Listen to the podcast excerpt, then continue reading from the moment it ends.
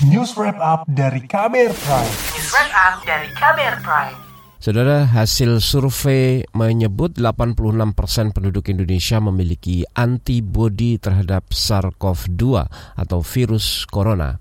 Namun, meski sebagian besar warga diklaim telah memiliki antibodi, apakah itu bisa jadi bukti Indonesia aman dari COVID-19? Berikut laporan khas KBR disusun Heru Haitami. Kementerian Kesehatan bersama Kementerian Dalam Negeri dan tim Pandemi Fakultas Kesehatan Masyarakat FKM UI mengumumkan hasil survei serologi antibodi penduduk Indonesia terhadap virus SARS-CoV-2. Hasilnya, lebih dari 86 persen populasi penduduk Indonesia dinyatakan memiliki antibodi terhadap COVID-19.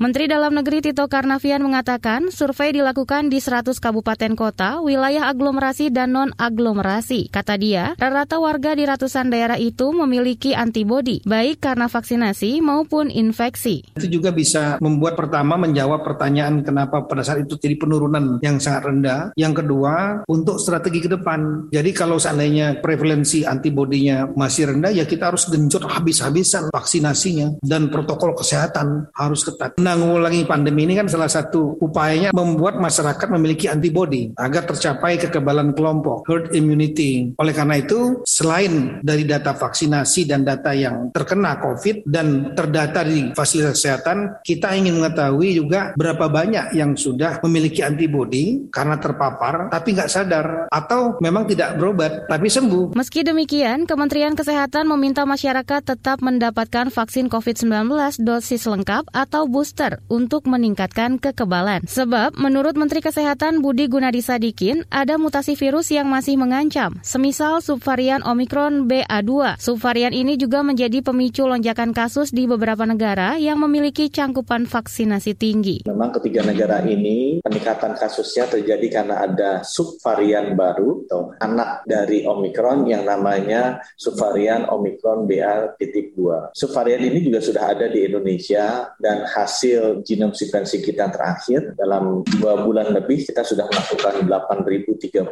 genome sequencing. Di akhir-akhir memang porsi BA2 ini sudah dominan juga di Indonesia. Kekhawatiran Menkes beralasan, itu karena saat ini terjadi penurunan angka vaksinasi di tanah air. Juru bicara Satuan Tugas Satgas Penanganan COVID-19 Wiku Adhisa Smito mendorong pemerintah daerah mempercepat vaksinasi. Vaksinasi harus terus ditingkatkan, utamanya pada provinsi yang masih mengalami penambahan kasus mingguan yang tinggi dengan cakupan dan laju vaksinasi yang rendah. 15 provinsi tersebut secara berurutan dari yang kenaikan kasus mingguannya tertinggi adalah Banten, NTT, Kalimantan Barat, Lampung, Sulawesi Tengah, Sulawesi Selatan, Sumatera Barat, Sumatera Selatan, Aceh, Sulawesi Utara, Papua Barat, Bengkulu, Kalimantan Selatan, Papua, dan Sulawesi Barat. Cakupan vaksinasi dosis lengkap pada seluruh provinsi tersebut masih kurang dari 70 persen. Pun dengan cakupan vaksin booster masih belum ada yang mencapai 30 persen. Wiku mengatakan antibodi yang terbentuk membuka kemungkinan dilakukannya sejumlah pelonggaran pada masa pandemi. Kekebalan Kekebalan komunitas merupakan salah satu kunci keberlangsungan aktivitas dan produktivitas utamanya terkait ekonomi di masa pandemi ini. Terlebih pula, tidak lama lagi kita akan memasuki periode puasa dan lebaran. Untuk itu, masyarakat juga dimohon untuk segera melengkapi vaksin dan melakukan booster sebagai fondasi pertahanan kekebalan komunitas. Meski begitu, menurut ahli epidemiolog dari Universitas Erlangga Windu Purnomo, antibodi warga yang telah terbentuk bukan jaminan telah bebas bebas dari pandemi. Ia juga mengingatkan pemerintah soal sejumlah hal yang bisa menjadi pertimbangan dalam mengambil kebijakan. Prasyaratnya apa? Ada dua prasyaratnya. Satu, prokes.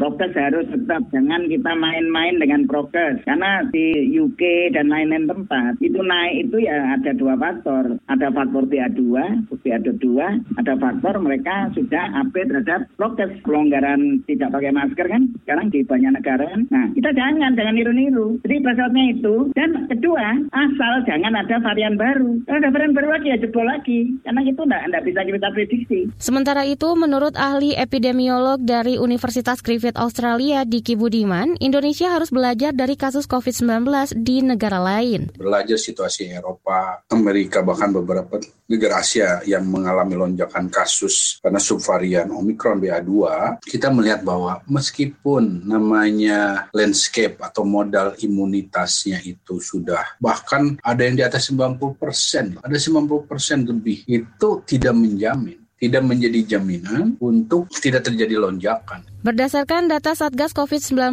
per kemarin kasus positif secara nasional bertambah lebih dari 7.000 orang, sedangkan pasien sembuh bertambah 29.000 orang. Namun, angka kematian juga meningkat, yakni 170 orang pasien. Sementara, untuk cakupan vaksinasi sudah mencapai 155 juta jiwa lebih. Jumlah ini masih belum sesuai target yang ditetapkan untuk membentuk kekebalan komunal, yakni 208 juta jiwa. Demikian laporan khas KBR, saya Dwi Renjani. Kamu baru saja mendengarkan news wrap up dari KBR Prime. Dengarkan terus kbrprime.id, podcast for curious minds.